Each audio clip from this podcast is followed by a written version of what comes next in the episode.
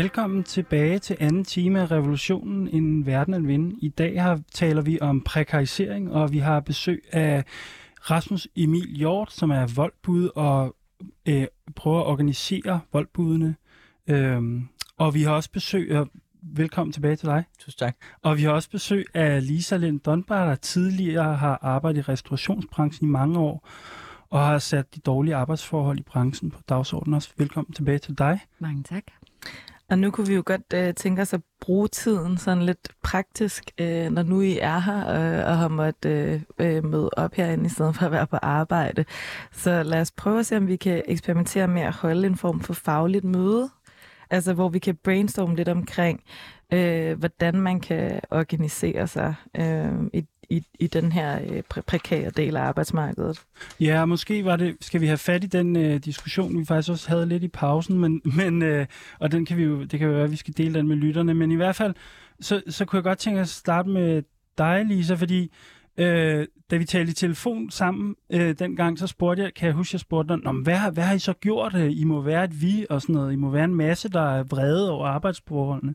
Og så kan jeg huske, du sagde sådan, du, jeg kan ikke huske det præcis, men du var næsten sådan, vi, jeg, jeg, det er nærmest kun mig. Eller du virkede i hvert fald, du gav udtryk for en eller anden form for enorm mm. ensomhed i det her. Det tænker jeg på en eller anden måde, vi skulle prøve at gøre noget ved her, eller et eller andet. Måske i det, som minimum prøve at dele nogle erfaringer øh, på tværs af de her... Øh, på tværs af de her... Det kan være, der er nogle, nogle problemer, som ligesom øh, går igen. Måske man kan jo understøtte hinanden i, i de forskellige kampe, selvom det er i forskellige øh, felter. Ja, så, så mit første spørgsmål til jer begge, men vi kan måske starte med dig, Lisa, det er det der med, hvis vi skulle prøve at tænke det her lidt som et slags værksted, hvor vi skal prøve at hjælpe hinanden med at organisere, måske på tværs. Er der nogle af de ting, som Rasmus nævner, som du kan genkende til nogle problemer mm. fra dit, sådan så vi på en måde kunne prøve at øve os i i fællesskab og finde fælles fodslag på et Mm. eller andet niveau? Lige til at starte med, så har jeg lyst til at sige, at måske der er meget af, af det, jeg engagerer mig i, som jeg, jeg gør på egen hånd, men jeg føler mig bakket op og støttet og set af rigtig mange, som stadig arbejder i restaurationsbranchen. Så jeg vil virkelig gerne lige understrege Ja, det, okay. slet ikke for at lægge skyld på nogen for, at de ikke på samme måde som jeg øh, deltager i debatten, fordi vi taler altså også om en en, øh, en skare af arbejdere, som er udmattet Ja, og klart. er systematisk udmattet. Det er nogen, der arbejder 12, 13, 14, 15, 16 timer om dagen. Ja. Og udmattede arbejdere bliver vi simpelthen nødt til at forstå, er også udmattede samfundsborgere, Ja, ja, som man ikke god pointe. nødvendigvis kan kræve øh, lige marcher op klokken 9 og står, øh, står klar, fordi at øh, de har måske kun dage, to dage til at øh, restituere. Ja, Det vil jeg bare lige sige. ja, det er da en god pointe. Øhm, og derudover, jamen, det vi snakkede lidt om i pausen, det var jo, at jeg, jeg bliver så inspireret af, hvordan at øh, Rasmus og, øh, og hans fag ligesom har øh, organiseret sig på den måde. Og det er for mig at se også det næste skridt for arbejderne i restaurationsbranchen. Ja. Og, øhm, og det der med, at man mødes og er, er sammen, den, øhm, den kode har jeg ikke selv lige knækket. Mm. Fordi i første time, der fortalte du om, Rasmus, at du havde prøvet det her med, at øh, når man, hvis du så øh, for eksempel et voldbud, og så gå hen og sige, har du lyst til at snakke om, om vilkårene, i, altså arbejdsvilkårene, eller det der med at stille sig op med et bord og være synlig øh, ved nogle af de steder, hvor budene de samles. Øh, men har I har du nogle tanker, Rasmus, omkring netop det samme, det her med, sådan, hvordan kunne vi organisere på tværs? Altså sådan, er der nogle overlap, hvor det kunne være en fordel? Ja, jeg øh, tænker, at det, man bliver nødt til at gøre, og som også det, som øh, hvad hedder det, Lisa også har nævnt, det er, at der er nogle, nogle, nogle problematikker også på den måde, hvordan den danske model også ligesom øh, får os indlemmet i den måde, hvordan vi skal øh, organisere øh, vores arbejde på. Og en af de ting er jo, at vi har jo organisationsfrihed, og vi får jo lov til at organisere os i en, en, en, en fagforening osv. osv. Det synes jeg også er enormt fint. Men der er også bare visse dele af arbejdsmarkedet, som er ramt af nogle sprækker. Og der tænker jeg simpelthen også, at der må man øh, overveje, om der er andre måder, hvordan man kan organisere sig på, på en måde, hvor at man laver faglig organisering, men man ikke laver faglig organisering, der nødvendigvis er bundet op af, øh, hvad hedder det, øh, øh, hvad kan man sige, for eksempel sådan øh, arbejdsretten, Ja. eller øh, en, en, en fagforening, der simpelthen kan sige, jamen altså, det må I ikke det her, fordi det strider mod vores organisationsfrihed. Og det jeg tænker i, i den situation, altså der vil jeg for eksempel sige, at der vil det give mening, at man fandt øh, en, øh, en måde at, at, at mødes på i en forsamling, hvor at øh, det man så øh, vælger at snakke om, jamen det er sine konkrete hverdagsagtige situationer. Ja. At det her med, at man jo for eksempel godt kan mødes, lad os nu sige for eksempel, øh, i, i Folkets Hus en, en time hver anden måned, hvor at man simpelthen Mm. bare tager et kaffemøde, og så snakker vi om, hvad Mm. er det egentlig for noget arbejde, vi laver, og, men også at finde ud af, altså ikke sådan en, et langt seminar, men, men bare sådan en, en måde, hvor at, at vi ligesom sådan kan, kan, kan tjekke ind, men også den her måde også ligesom at finde ud af, når man hvis der foregår det her, vil man kunne hjælpe med noget støtte, eller vil man kunne hjælpe med nogle bidrag i forhold til at, at, at gøre de her forskellige ting. Så din pointe er, øh, bare lige for at opsummere, om jeg har forstået det rigtigt, det er, at der er nogle ting, som den traditionelle måde at, at sådan arbejde for arbejdstagerrettigheder, som der ikke rigtig fungerer i en meget, altså i den her meget prekære del af arbejdsmarkedet. Altså det her med, at man er organiseret i en fagforening, mm. øh, som der så vil være, øh, det ved jeg ikke, om det vil være 3F, øh, hvis det var restaurationsbranchen, eller en, en anden fagforening, som der passer til det fag, man nu er i. Og så vil man bede fagforeningen om at kæmpe på vegne af en, øh, for at få en bedre overenskomst, mm. øh, når man nu er ansat. Altså der er der simpelthen noget, der er utilstrækkeligt her. Så Ja. man bliver nødt til at organisere sig selv, Ja. også for at have en større frihed til at kunne aktionere, eller hvad var det, du sagde? Altså ja, altså man, man ikke er bundet op på, øh, hvad hedder det, øh, den her, øh, hvad hedder det, øh, og det her organisationsansvar. Ja. Øhm, og øh, jeg tænker også at kunne sådan introducere os til sådan, hvad er det for, der er jo nogle tanker bag det her. Øh, Mm. Og der er ligesom, øh, altså to, vi har jo en, en, en, en, en, øh, altså en gammel vin på nye flasker, som jo er altså syndikalisme, som, som i hvert fald er noget, jeg er inspireret af i mit faglige arbejde. Men så er der også øh, en, som jeg tror vil være lidt mere spiselig også for, for nogle mere moderate i fagbevægelsen, som er det, der hedder altså solidaritetsfagforeningsarbejde. Ikke? Altså at hvis vi kan, ligesom kan sige, at i dag så er den danske fagbevægelse organiseret omkring en parole, den hedder Kræv din ret, gør din Ja. pligt. Mm. Men det vil altså også sige, at hvis du egentlig ikke kan kræve din ret, fordi at det er, at nu er alle ens øh, med- medarbejdere øh, ikke ligesom har den her... Altså beskyttet af det fagretslige system, enten fordi funktionærloven har gjort det umuligt, fordi man er på en 0-timers kontrakt, eller man ikke har en fagforening, der støtter op omkring en. Hvad gør man så? Ja. Altså, så må man hellere sige, når man, jeg oplever et angreb, du oplever et angreb, Ja. og alle andre i den her branche oplever et angreb. Eller ikke i branchen, men, men med lignende forhold. Men hvis det er et angreb på, på, på os, så er det altså også et angreb på alle de andre. Ja. Så bliver vi jo nødt til ligesom også at slå hovederne sammen. Og det er jo der, hvor den praktiske solidaritet kommer ind i. Ikke? Ja. Altså den praktiske sikkert. solidaritetsarbejde. Nej, fagforeningsarbejde. Ja, ja, ja. Men det er jo altså sådan, vi er alle, det vi har til fælles, det er, at vi alle sammen arbejder. Ja. Og for eksempel øh, det, der skete i, øh, i USA i forhold til, at Amazon øh, Mm. lykkedes med at Ja. organisere sig Mm. i øh, et øh, historisk øh, slag og sejr for, for arbejderklassen. Øhm, det er jo også det er et andet type arbejde, end det, som Rasmus og jeg her står og repræsenterer. Ja. Men det, øh, at det skete, tror jeg, at det var det i hvert fald personligt for mig, enormt inspirerende og opløftende, Ja. og et, øh, et, et tydeligt tegn på, at det kan godt lykkes, hvis vi organiserer os. Det var nemlig meget bevægende det der, fordi der var Det var ingen, der havde regnet med, at det var muligt på en eller anden måde. Altså fordi det er en så stærk struktur, altså det her med at arbejde i så stort et multinationalt selskab som Amazon, hvor at der ligesom er den her, jamen altså folks øh, arbejdsvilkår er virkelig dårlige, ikke? Plus at de jo også aktivt benytter sig af antifagforeningstaktikker. Mhm. Mm-hmm. Altså, de altså simpelthen modererer og øhm, censurerer, hvilke ord man må bruge i kommunikationen Ja. aktivt for Ja. at forhindre folk i at organisere sig mm. og, og faktisk kommunikere på sådan vis. Og det sker også i restaurationsbranchen. Men hvis vi så skulle overføre noget af det, som Amazon-arbejderne gjorde der, altså til, til det med, at, at I på en eller anden måde kan, kan organisere jer eller, eller finde hinanden, altså det var jo det her med,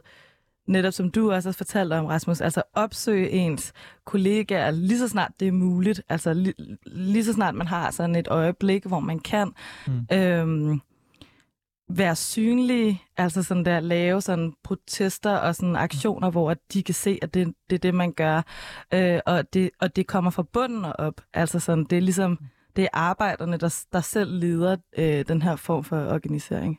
Ja, jeg, jeg, jeg, jeg tror også, jeg er egentlig langt hen ad vejen. Jeg tror også bare, det er vigtigt også, at sådan, man heller ikke virker for, for, for ivrig. Mm. Altså, fordi det er nemlig også problemet. Altså, sådan, jeg, jeg, jeg har en baggrund i ungdomspolitik, og ja. det er også en baggrund, jeg også har forladt på baggrund af det her også, mm. øh, som er den her måde af at være sådan, øh, altså agenda øh, skubber på, på, på sådan en måde, hvor at det simpelthen bare virker unaturligt.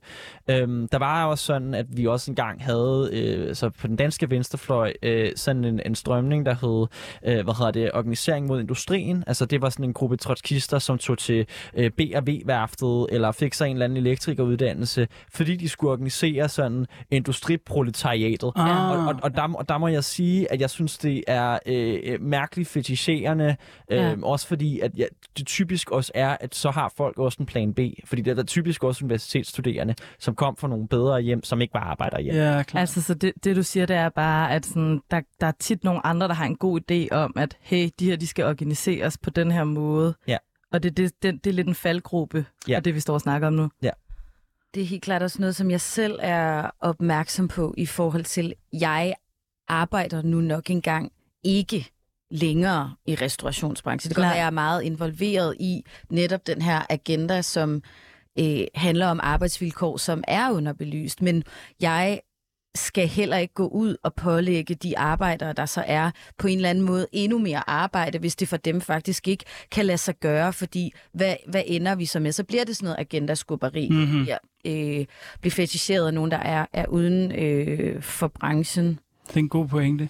Jeg kunne, jeg kunne, tænke, jeg kunne godt tænke mig, at vi, øh, fordi det er noget, vi ikke omkring i første time, det, fordi, og jeg synes, det fordi det er øh, spændende og vigtigt, det der med, at mange af de der vidnesbyrd, som du har øh, indsamlet, øh, Lisa, at der var det her med anonymitet.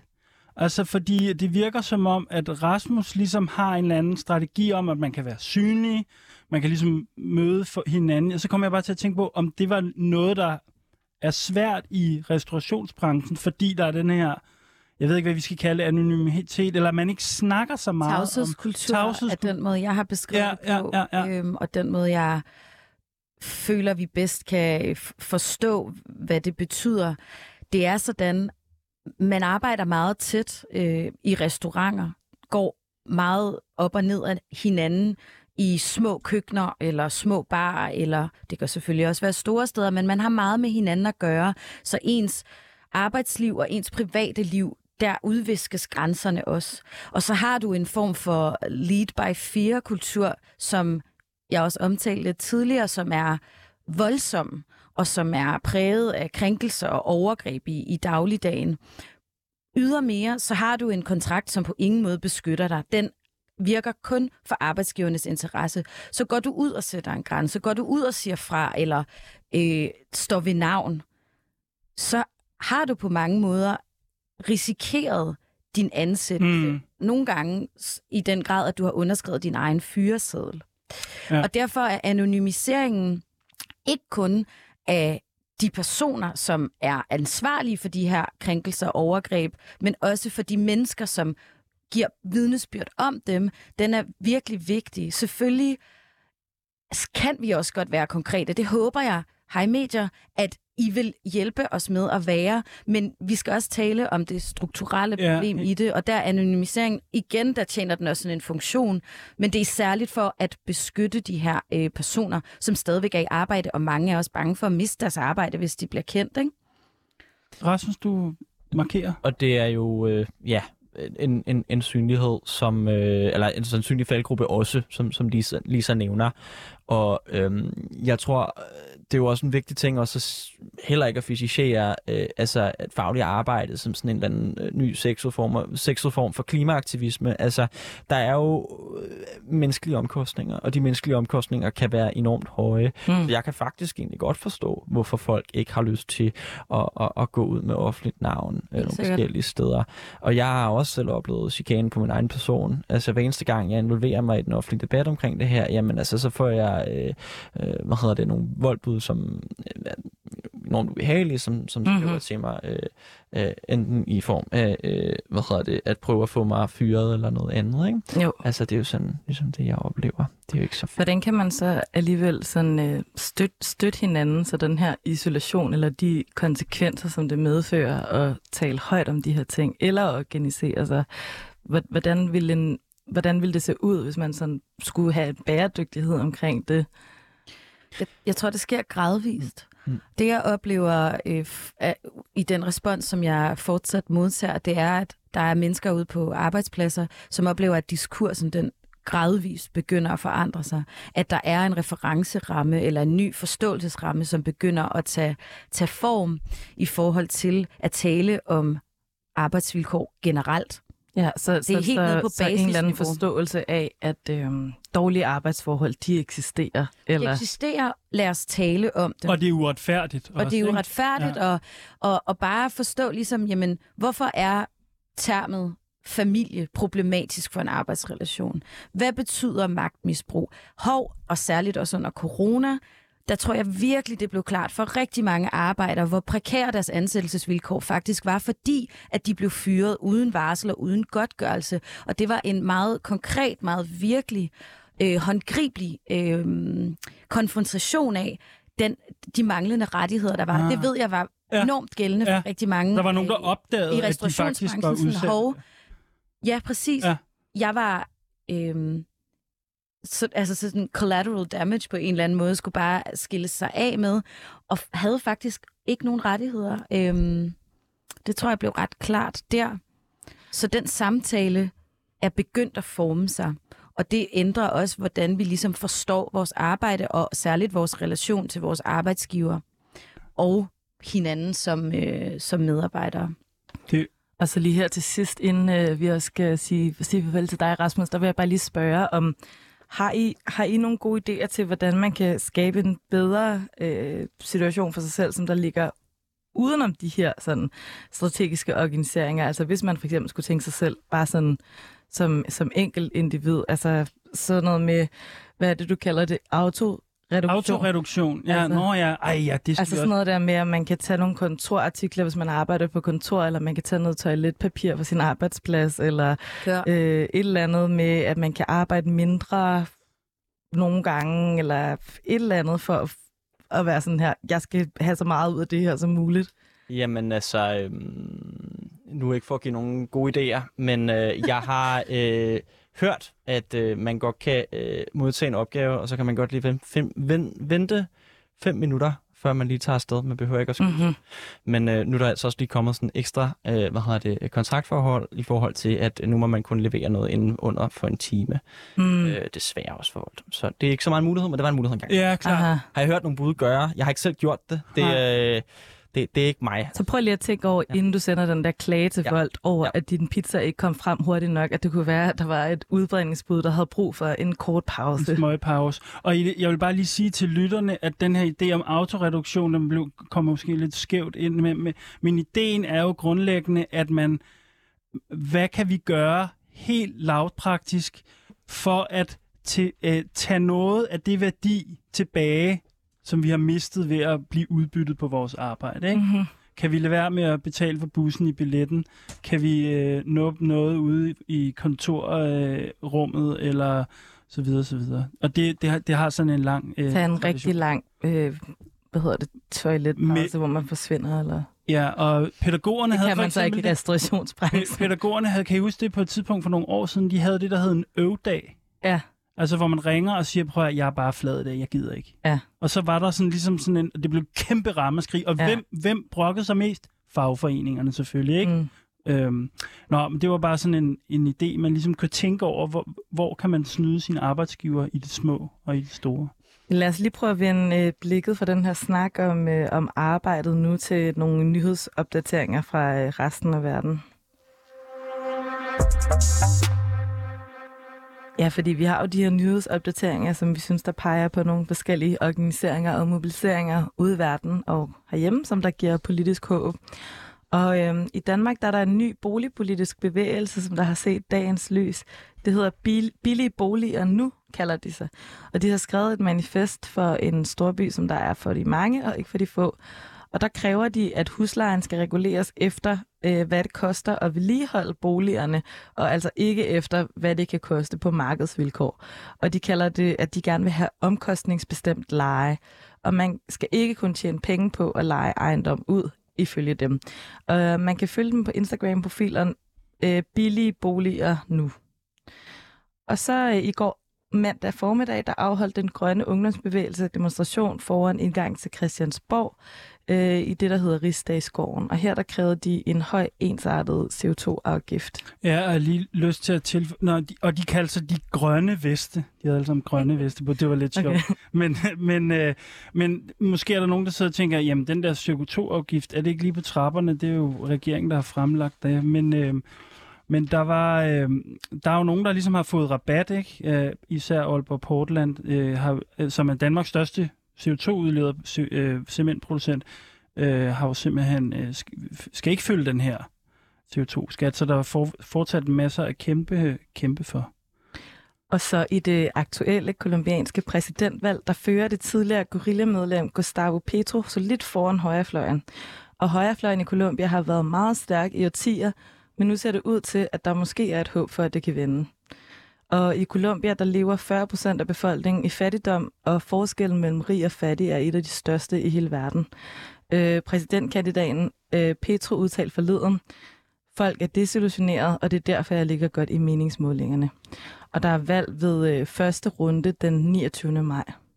Og jeg faktisk lige, da vi, jeg sad og skrev på den her, så fik jeg lige en update fra en kammerat, der viste mig nogle billeder i går aftes, hvor øh, de her øh, venstrefløjskandidater, når de skal holde øh, tale, øh, offentlige taler, så er de simpelthen beskyttet af sådan nogle skudsikre skjolde og bodyguards, fordi der er sådan nogle højere fløjsgrupperinger, som øjensynligt øh, vil myrde dem simpelthen. Ja, man så faktisk, at der var sådan en øh, snigskytte øh, laser, som der pegede på den her øh, vicepræsident. Wow, ja. Kandidat. Ja. Jamen, øh, det var nyhederne for nu. Ja, altså, og du skulle lige nævne, at vicepræsidentkandidaten, ja. som der faktisk, øh, hvor man kunne se, at øh, hun, hun øh, risikerede at blive skudt, det er altså en meget øh, progressiv kandidat, som der også har gjort rigtig meget ud af at mobilisere det sorte community.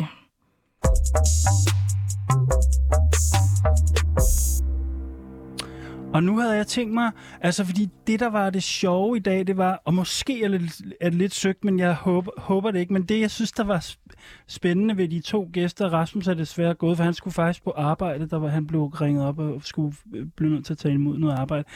Men det, jeg synes, der var spændende, det var, at øh, begge de to gæster, vi havde i studiet, øh, ligesom arbejdede med mad på en eller anden måde. Og det tænker jeg måske, vi skulle prøve sådan at komme omkring, fordi og det er noget, jeg har lagt mærke til, at det har lytterne sikkert også, det her med, at der findes en, en helt vild øh, madkultur og identitet i København, som ligesom er knyttet til forbruget øh, af mad, og øh, det giver meget kulturel kapital at lægge billeder på, og det her, øh, øh, Lisa nævnte også det her med at være en foodie, altså, jeg, jeg ved ikke så meget om det, men det, jeg tror, det handler noget om at, at tage en masse billeder og snakke om mad, og gå, spare op og gå ud og spise dyrt osv. Men kan, det er nemlig en ret spændende økonomi, øh, som an, blandt andet foregår på Instagram.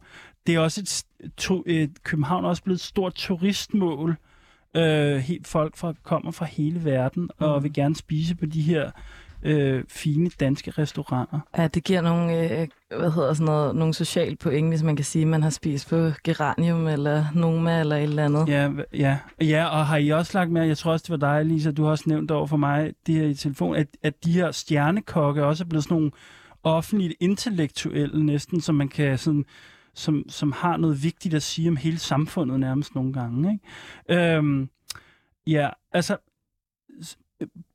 pointen er ligesom lidt, jeg kunne godt tænke mig at høre lidt dig, Lisa. Hvad, hvad tænker du om, om det der med, at der på den ene side er den her hype om det her mad og så videre, og så nogen, noget af det der med, at der er sådan nogle skandaløse arbejdsforhold. Hvordan kan, eller jeg bliver sådan helt, hvordan hvis, kan det Hvis vi er afhængige af udbytning for at få, have den madkultur, skal vi så stoppe med at gå på restaurant?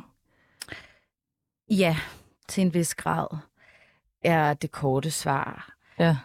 Altså, øhm, på, på en måde så er hele hypen og succesen, øhm, den forklarer jo ret godt på, på en måde, hvilke arbejdsvilkår der findes i restaurationsbranchen. Ej, kan du ikke sige noget mere om det Der her? er bare ikke særlig mange, der, der stiller spørgsmålstegn ved det, fordi jeg tror, øh, nu er Rasmus her ikke, men Ja. det var også ligesom noget af det, han kom ind på.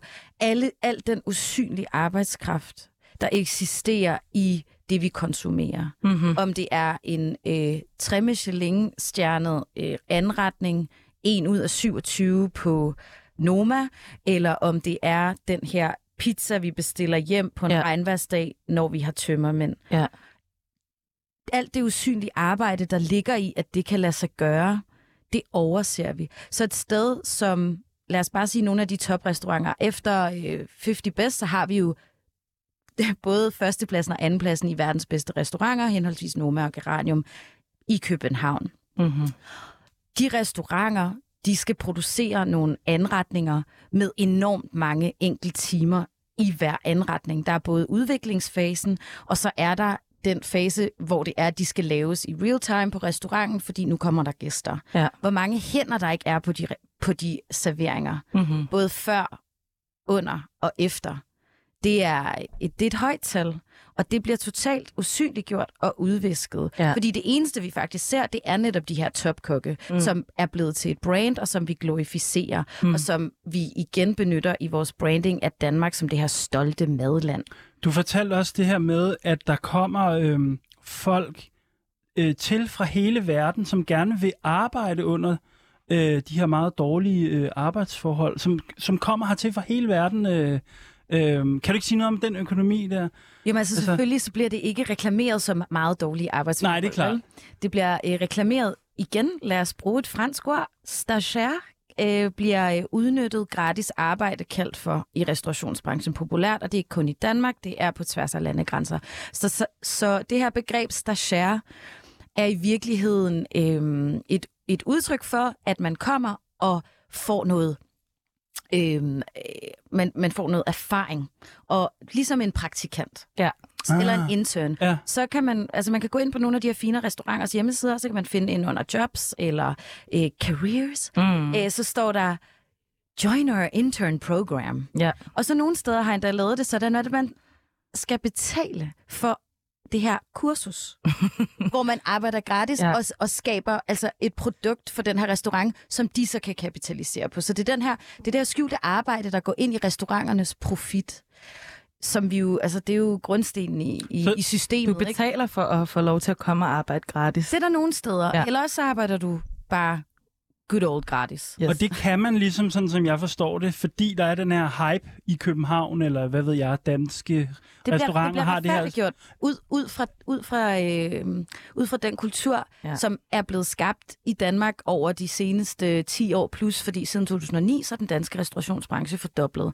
Og ikke bare, altså nok med det, det er jo ikke noget, vi alene står for som, øh, som danske øh, borgere. Det er øh, også turister, der rejser langt Mm. for ikke bare at spise et sted, men ligesom at lave en gastrotur. Så en tredjedel af alle de turister, som vi modtager i Danmark, de er såkaldte gastroturister. Okay, ikke? Og det er en industri på 130 milliarder om året. Ikke? Wow. Men Der så er der, i det. Der, det giver mening det her med, det, man, man skaber en bestemt kultur eller sådan en tankemåde. Altså det kender vi jo også godt fra, øh, det ved jeg ikke, kul, kulturbranchen, kultur, kulturarbejde, mediebranche osv., at du skal ligesom være så glad for, at du får lov til at arbejde på den her arbejdsplads. Ja. Øh, og der er bare nogle andre, der vil gøre det, hvis ikke du har lyst til at gøre det. Øhm, så, så det skal ligesom bære, øh, bære lønnen i sig selv på en eller anden måde. Ikke? Men jeg, jeg tænkte, ja, jeg vil Nej. sige noget, jeg skal... Ja, jeg vil bare sige, og, og, og pointen er jo, at folk vil gerne, det er også vigtigt at forstå, hvorfor folk gerne vil arbejde de her steder. Det er jo fordi, hvis man så har fået, det var også noget, du fortalte mig, Lisa, da vi snakkede i telefon sammen, men jeg synes, det er en vigtig pointe for at forstå, hvorfor det hænger sammen, selvom det er helt grotesk Ja, hvorfor, hvorfor vil nogen gøre Lige det? præcis. Ja, præcis. Og det vil de, fordi har du, lad os bare sige Noma eller Geranium eller nogle af de her andre højt profilerede restauranter på dit CV, Mm. så åbner det en hel masse døre. Yes. Så man ser det som en investering, som øhm, et onde for et mål. Ja, ja. Og øh, jeg vil bare lige sige til øh, lytterne derude, for jeg tror, det her det kan komme bag på mange, det er, der er ikke en Michelin-restaurant, som ikke benytter sig af systematisk gratis arbejde i hobetal. Velbekomme. Præcis. Men øh, jeg vil nemlig gerne vende tilbage til det her, du siger med lytterne og forbrugerne på en eller anden måde, fordi øh, jeg har tænkt over, om det, om det er lidt er et dilemma, altså det her med, hvad skal man gøre? Er det boykot? Altså skal man bare lade være med at gå ud og spise de her steder? Skal man bare lade være med at bruge vold? Øh, fordi for eksempel i forhold til vold, så har jeg tænkt, når hvis nu jeg bare sørger for at give i hvert fald sådan 40-50 kroner i drikkepenge til budet, så kan det være, at det er okay. Men hvad skal, hvad skal man gøre som forbruger? Jeg får, Altså- det, det spørgsmål har jeg også fået fra øh, bekymrede og interesserede og øh, stillingtagende personer, der ligesom øh, følger mig, der spørger, hvad, hvad kan jeg gøre? Hvor Ja, kan jeg tage ja. ja. hen? Jeg tror, som, øh, som et startsted, benyt jeg ikke af det her system, der profilerer restauranter med Michelin-stjerner. Mm-hmm. Råb det. Mm-hmm. Punktum. Bast. Altså, hvad betyder det? Så lad være med at gå derhen, eller lad være med at... Ja. Ja, lad være med at det, det, det vil jeg mene, altså fordi de her steder, de kan ikke løbe rundt, de kan ikke være med i kapløbet om Michelin-stjerner, uden at de i en, i en værre grad udnytter arbejder. På den måde. Mm. Mm. Så altså det her med at, at sige, når man øh, de restauranter, vi skal hen på, det er dem, som der har de her stjerner. Det er altså afhængigt af udbytning. Ja. Altså dårlig behandling. Ja, så det vil sige, det, og det, altså, det vi laver her nu, ikke, det er det, vil man kunne kalde madkulturens politiske økonomi. Ikke? Der ligger en økonomi nede under alt det der fine stahej. Det kan kun lade sig gøre, fordi der er nogen, der simpelthen arbejder gratis. Ikke? Ja. Og derfor kan man kun sådan handle på det strategisk ved at lade være at gå derhen. Simpelthen. Ikke? Og så er der... Øhm, altså det, det er også svært. Jeg så på et tidspunkt, at en restauratør, en ret højstående restauratør i København, lagde en video op på Instagram af øh, nogle personer, der prøvede at fange en høne, ligesom jagtede rundt. Og så var caption, at han forsøgte at øh, få arbejdskraft til sine restauranter, og så skulle det ligesom sådan være en afbildning, et afbillede af det, ikke? Og så var der nogen øh, kvikke, der i kommentarfeltet skrev, hvad med, at du gav dine ansatte bedre arbejdsvilkår og en højere løn? How about that? En eller anden radikal tanke. Til hvilket restauratøren svarede, ja ja, det kan jeg gøre den dag, du gerne vil betale 400 kroner for en pizza. Ja. Aha, så på den så, måde... så der er den her, øh, der er den her retfærdiggørelse af, fra restauratørernes, fra arbejdsgivernes side, at de gerne må undsige sig gode arbejdsvilkår og ordentlig løn til deres ansatte, fordi at de ikke har råd til andet. Ja, Men ja. så er ideen jo, at de har råd, at, altså, at de mener, de er i deres gode ret til at ansætte personer, de ikke har råd til at lønne. Ja. Men Så der er den, mange den, grader. den logik kender man jo også godt fra andre Ja, ja, brancher. fuldstændig. altså hvis, hvis, hvis der ikke er nogen læser, der vil betale for indhold, hvordan skal, hvordan skal en mediearbejdsplads så kunne øh, lønne altså deres medarbejdere, eller ansætte nogle medarbejdere? Ja, ja. Så det, det er den der, øh, det er det der meme med de der Spider-Man-figurer, hvor alle står og peger på hinanden og siger, nej, ansvaret ligger derovre. ansvaret ligger derovre. Øh, men lad os tage en kort pause fra snakken om det her til et, øh, vi skal til et spørgsmål fra vores brevkasse.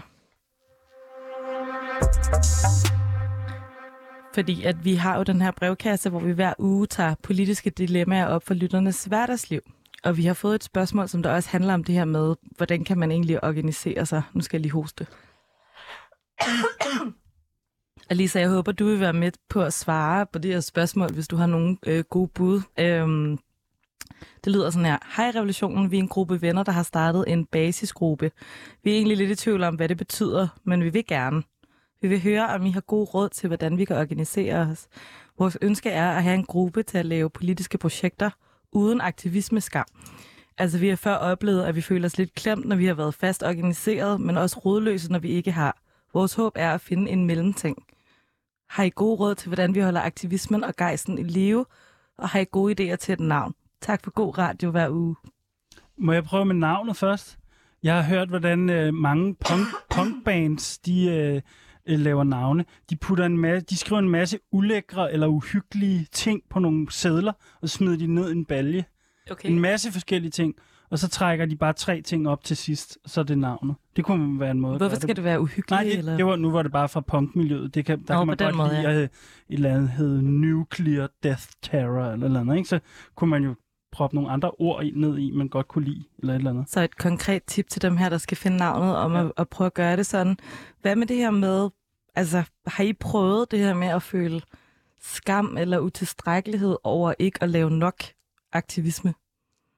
Eller sådan, Okay. som, som de beskriver. Ja, ja, det kender jeg udmærket. Men Det er også noget, jeg, det er noget, jeg, øh, det er noget, jeg sådan har en, øh, en igangværende samtale øh, med mine venner om øh, i forhold til, hvordan at, øh, der kan være det her øh, perfektionistiske ideal omkring den perfekte, per, per, perfekte, perfekte aktivist. Ja. Øhm, som faktisk er hindrende, og det er en attitude, som er problematisk over, altså i alt, hvad vi gør, at Ja. det skal være perfekt, før det er det berettiget, eller mm. Mhm. det har værdi. Men vi skal også forstå, at vi er ikke kapitalister, eller sådan, vi lever i et kapitalistisk system, som gør, at øh, vi skal betale for vores husleje, vi skal betale for det, vi spiser og gør, og jeg skal komme efter jer. Og, og, og det er altså en realitet, som man også bliver nødt til at forholde sig til, som måske også gør, at man bliver udmattet, eller at man bliver nødt til at prioritere ting, som måske ikke altid går i lige linje med, med ens øh, aktivistiske værdier. Ja. Og, øh, og i det hele taget, så handler, tænker jeg, den her aktivisme om, øh, at man har et idealistisk mål omkring at gøre noget godt, og det skal starte, og ikke for at lyde irriterende sådan self-coach-agtigt, men det skal nu nok engang også starte med os selv. Altså hvis det er, at jeg, det prøver jeg også at sige til mig selv Mhm. i den her proces. Ja. Hvis jeg bare arbejder 10-15 timer om dagen på det her, på den her sag, jamen hvilket forbillede er jeg så? ja, ja. Det, det, det går ikke. Så øhm, Jamen, jeg er helt enig. Det betød faktisk ret meget for mig, at der var engang en, som der sagde, jeg, jeg, jeg tænker nogle gange på dig, og jeg kan jo se, hvor meget du løber rundt og laver. Så det tænkte jeg, det skal jeg jo også kunne. Og så gik vedkommende Ah, ned med stress, ikke? ja. hvor jeg også tænkte sådan, man skal også netop tænke over sådan der, hvad er det for et, hvad er det for et forbillede? Hvad er det for en kultur, som vi prøver hvad er at sådan et skabe system, sammen? Et produktionssystem, der ligesom er internaliseret i os fra den verden, som vi faktisk forsøger at Ja. forandre. Ja, men det er en Helt- vildt helt god sikkert. Jeg, jeg, blev, jeg, jeg synes, øh, altså jeg har jo kodyl optur over brevkassen generelt, men jeg synes, det her, det her øh, øh, spørgsmål, eller det her brevkasse spørgsmål, er virkelig øh, fint, fordi at øh, øh, jeg kan vildt godt lide at tænke det der med, øh, tænke si, øh, sine venskaber også som en del af noget, der har med politik at gøre. Og det der med at mødes og gerne vil være nogen eller noget sammen, det synes jeg... Øh, øh, gør det, mand. Det er da en skidegod idé at lavet en basis. Hvordan holder man så, men hvordan holder man så gejsen i live? Altså, Man skal jo bare gøre noget, man synes er spændende og relevant for sig selv og sin ba- basisgruppe. Altså til at starte med i hvert fald. Altså hvad, diskutere, hvad, hvor, hvad vil man gerne lave? Øh, jeg tænker også, at noget af det, der man kan gøre med gejsten, eller noget af det, som der giver mig gejst, det handler rigtig meget om det der med at møde andre, som jeg på en eller anden måde kan spejle mig i, eller som der siger nogle ting, som jeg føler, jeg kan genkende. Altså, så jeg, jeg synes egentlig, der opstår for eksempel ret meget gejst for mig i, i det her program, når der er der nogle øh, gæster, som der kommer ind, og man kan høre sådan om alle de ting, som de går rundt og laver. Øh, selvom man måske ikke kender dem, så tænker man, okay, der er mange, der prøver at arbejde for, for den her forandring på mange måder, så øh, prøve at skabe situationer, hvor man også kan være en del af en infrastruktur eller nogle fællesskaber, hvor man kan møde en del andre. Øhm, så det man måske kunne, når man tænker sig selv som en gruppe venner, der er en basisgruppe, at man måske kunne som fællesskab tage nogle chancer et eller andet sted, hvor man kunne møde nogle andre, som måske, hvad ved jeg, en eller anden barvagt et sted, eller tage en eller anden opgave i en eller anden sammenhæng. Er det ja, sådan, du tænker det? Ja, fordi så, kunne man, altså, så, har man, så har man måske et praktisk fællesskab med hinanden, eller som der både kan arbejde, men som der også kan tænke sammen. Øh, og så kan man på den måde møde sådan mange forskellige andre, som der også gør det andre steder. Det er da en god, god pointe. Ja, husk at I kan skrive til vores brevkasse på revolutionsnabelag 247.dk. Vi kunne rigtig godt tænke os nogle flere spørgsmål til brevkassen. Og nu skal vi jo til øh, programmets øh, sidste element, som er den her, det her utopiske element. Øhm, for vi, vi prøver jo hver, hver øh, uge at prøve at tænke utopisk, så det vil sige, vi prøver ligesom at svare på spørgsmålet, hvordan skal vi gøre det her efter revolutionen? Eller hvis vi selv måtte bestemme, hvordan øh, eksempelvis vores arbejdsforhold skulle være, hvordan skulle de så se- ud? Og jeg tænker ligesom, at der i dag har der, I har begge to, Rasmus er gået, men Lisa, næ- I nævnte begge to det her med, at cheferne ligesom er et problem. Øhm, så jeg tænker på en måde, det kan vi, det er ligesom udgangspunktet. Vi kunne lave nogle, nogle øh, arbejdspladser eller fællesskaber, hvor vi laver mad udenom chefen, eller sådan noget. Men, men øhm, Hvad siger du? Ja, Elise? Øhm, et særligt problem i branchen, det er, at øh, den magt, der så er, den bliver misbrugt. Så hvis man skulle forsøge at forestille sig en bedre løsning, netop hvor det er, at man ikke risikerer, at der er noget magt, der kan øh, misbruges, øh, så, så skal vi have organiseret os på, på en helt anden måde, og øh, nok også være åbne over for en, øh, en helt anden udgave af det med at gå ud. Altså fordi det der med at gå ud, og det der med at få serveret sig ting, det, har, det er i dag blevet øh, noget for, for alle, og det er jo ikke skidt i og for sig selv, men det er, hvem er det, der betaler prisen for, at det nu er blevet så tilgængeligt. Og det er arbejderne i min optik. Øh, det synes jeg også står meget klart, selvom at det stadigvæk ligger i, i skyggen bag de her store, kendte stjernekokke, som vi, vi, øh, vi altid taler om. Øhm, og altså, det det den, vi, betyder måske simpelthen således, at det ikke skal være øh, noget, der er så vanligt, hvis ikke at vi kan betale de arbejdere, der faktisk gør det muligt Ja, ordentligt. ja, så Og så- derfor skal det ikke være tilgængeligt for... Det skal ikke være, Nej. fordi det, det, det er ikke, bare for at bruge det her, ord, det er ikke ja. altså økonomisk bære. nej, Det er ikke en menneskeret at gå på Michelin-restaurant, Nej. altså for middelklassen på den Og, måde. og hvad er det egentlig, vi taler om her? Det er mad. Mm, Det synes jeg også, vi glemmer i stor Mm. grad. mm, fordi at det netop er blevet et brand, og fordi at vi har foodies, der gør det til øh, en fetichering af alt fra bagværk til, øh, Ja. jeg skal komme efter jer. Altså, øhm, og, og, og der, øhm, der er der et, øh, et problem i, at det, det handler ikke længere om at blive mætte, at spise, at øh, samværet omkring, det handler om det, som også bliver defineret som dining experience. ja. Så det er blevet ophævet til kunst, ah, og de, der ja. skaber det, bliver anset som kunstnere, der er genier på en måde. Mm. Mm, Så der er også den her, vi skal af med den her indi- individualisering af topkokke, som i virkeligheden står på skulderen af en hel masse usynlige arbejder og arbejdskraft. ja. Og så vil jeg næsten gå så langt til også at sige, restaurationsbranchen, som den er i dag, den skal dø og opstå igen på Mm. ny.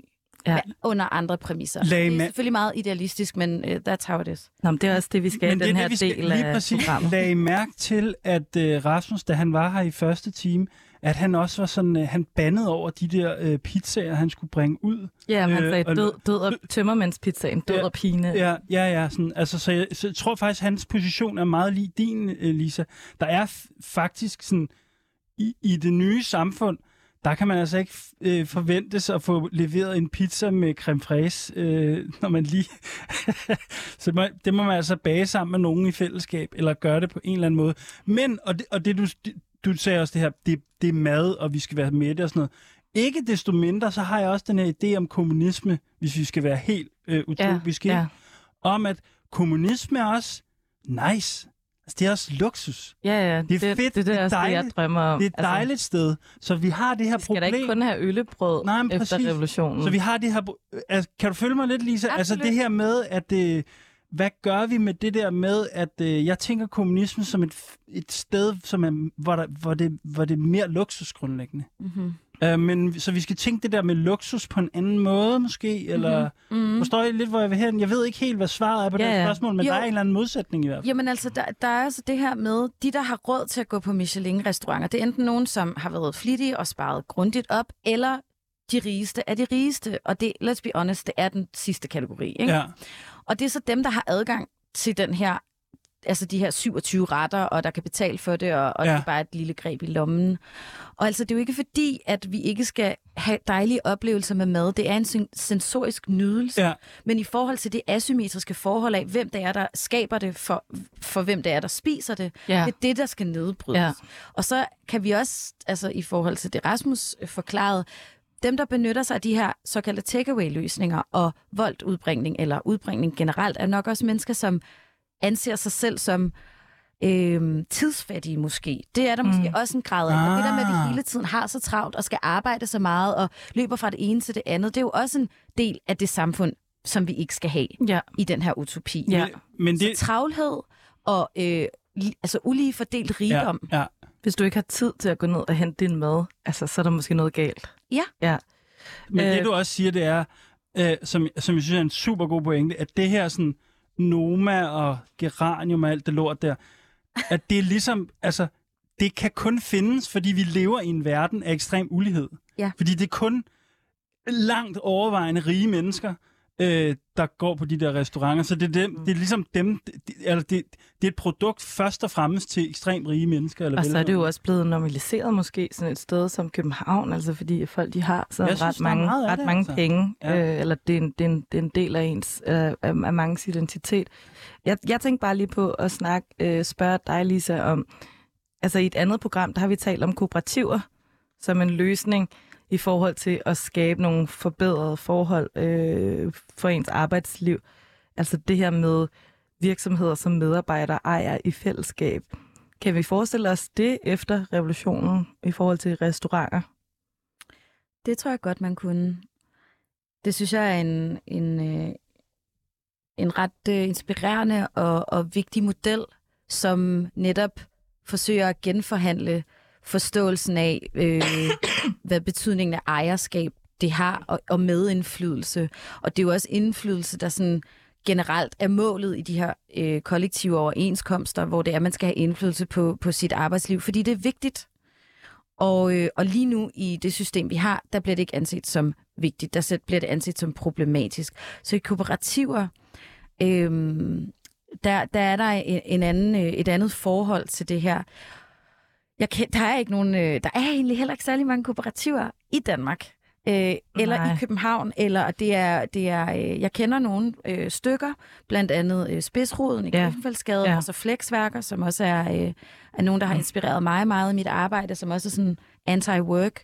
Mm. Øhm, på den måde kunne det, kunne det godt ske, men så skal vi også have de her egoer ned fra de Ja. her skide pedestaler, Ja. som har behov for at realisere sig selv igennem udnyttet arbejdskraft. Ikke? Mm. Så hele den her idé omkring, at vi skal have nogle kendte, vi Ja. skal have nogle enkelte individer, som vi, som vi ser sejre, Ja. det skal stoppe. Som Ja. ja. skal dyrkes. Jeg, jeg kommer til at for jeg, jeg, vil, jeg vil gerne prøve at løse det her øh, problem med luksus. Øh, det her, forstår I, hvad jeg mener? Ja, Så at vi vil gerne have, vi- vi vil gerne have luksus, vi vil gerne men have det luksus, går ikke med den det, luksus. det går jo ikke, hvis luksusen er, er altså forudsætningerne for luksus er sådan en ekstrem udløselse. Min pointe var bare, at hvis jeg tænker efter, hvornår har jeg haft de bedste madoplevelser i mit liv, så har de sgu jeg aldrig været på, nu har jeg heller ikke været på særlig mange fine restauranter, men de bedste oplevelser, jeg har haft med mad, handler om, hvem man spiser det sammen med.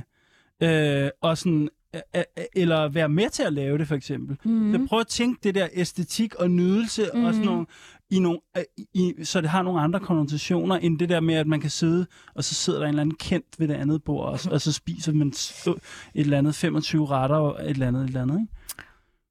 Det jeg, det, jeg også tænker omkring luksus, det er, i og for sig selv, at det er jo blevet et brand, men hvad det også øh, taler ind i, det er, at luksus er noget lidt uopnåeligt, noget andre ikke har. Der er et magtforhold i det.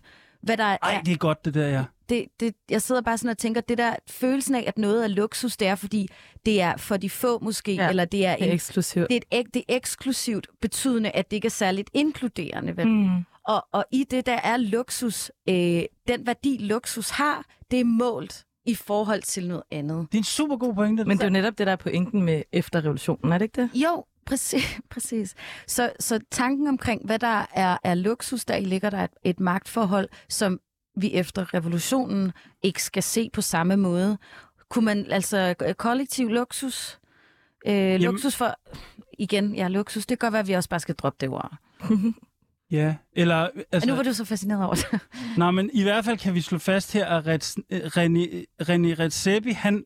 Ud med ham. Altså, jeg ved ikke, han, han, han må... Øh, han må... Øh, Det hygge sig med sit ridderkors og sin, øh, sin fine løn.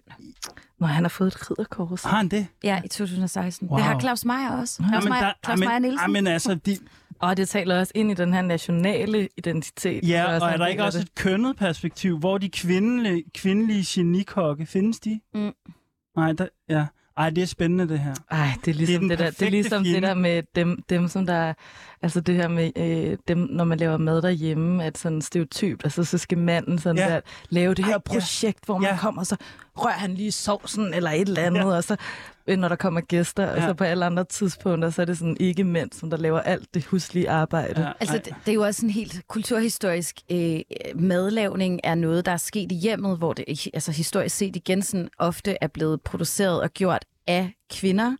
Men når det er, vi er ude på øh, arbejdsmarkedet, så er det mændene, der generelt set har approprieret den her kultur, Ej, det er og som, spændende, som det positionerer sig igen altså på de her pedestaler, som dem, der faktisk kan kapitalisere på det. Sindssygt god Det point. giver rigtig god mening. Hvad vi skal lige hurtigt runde, om vi kan finde en pointe, som vi skal have med til vores øh, manifest. Ja, fordi, fordi- vi skriver jo... tiden, tiden løber her. Det, det blev virkelig spændende nu, synes jeg. øhm, men øh, men ja, vi skal lige, hvis vi nu, øh, hvis, vi, hvis det nu var dit, øh, dit manifest, Lisa, vi er jo i gang med at lave det her manifest, vi samler nogle bullets til hver, efter hver øh, program. Hvad vil du i, nogle af dem på? Jamen altså, meget af det er sådan noget med, hvordan vi organiserer os, for eksempel. Og sådan, sådan meget, det er meget sådan noget med, at Vi skal organisere os lokalt, ja, og det skal vi skal t- altid tænke intersektionelt, og Mm-hmm. altså sådan nogle der forskellige ting. Men ja. så prøver vi at finde ud af, når man er der nogle pointer, som der passer specifikt til det, vi har talt om i Ja. dag. Præcis. Hvis, du, hvis det var dit manifest, og du lige sådan med din baggrund, sådan, hvad skal vi i hvert fald huske, hvis vi er i gang med at bygge øh, det nye samfund? Jeg tænkte på det her, som Rasmus havde sagt, som der var det her med sådan, det kan give mening at organisere sig lokalt, altså uden om fagforeningerne, selv organiseret, fordi så har du flere muligheder. Ah, ja.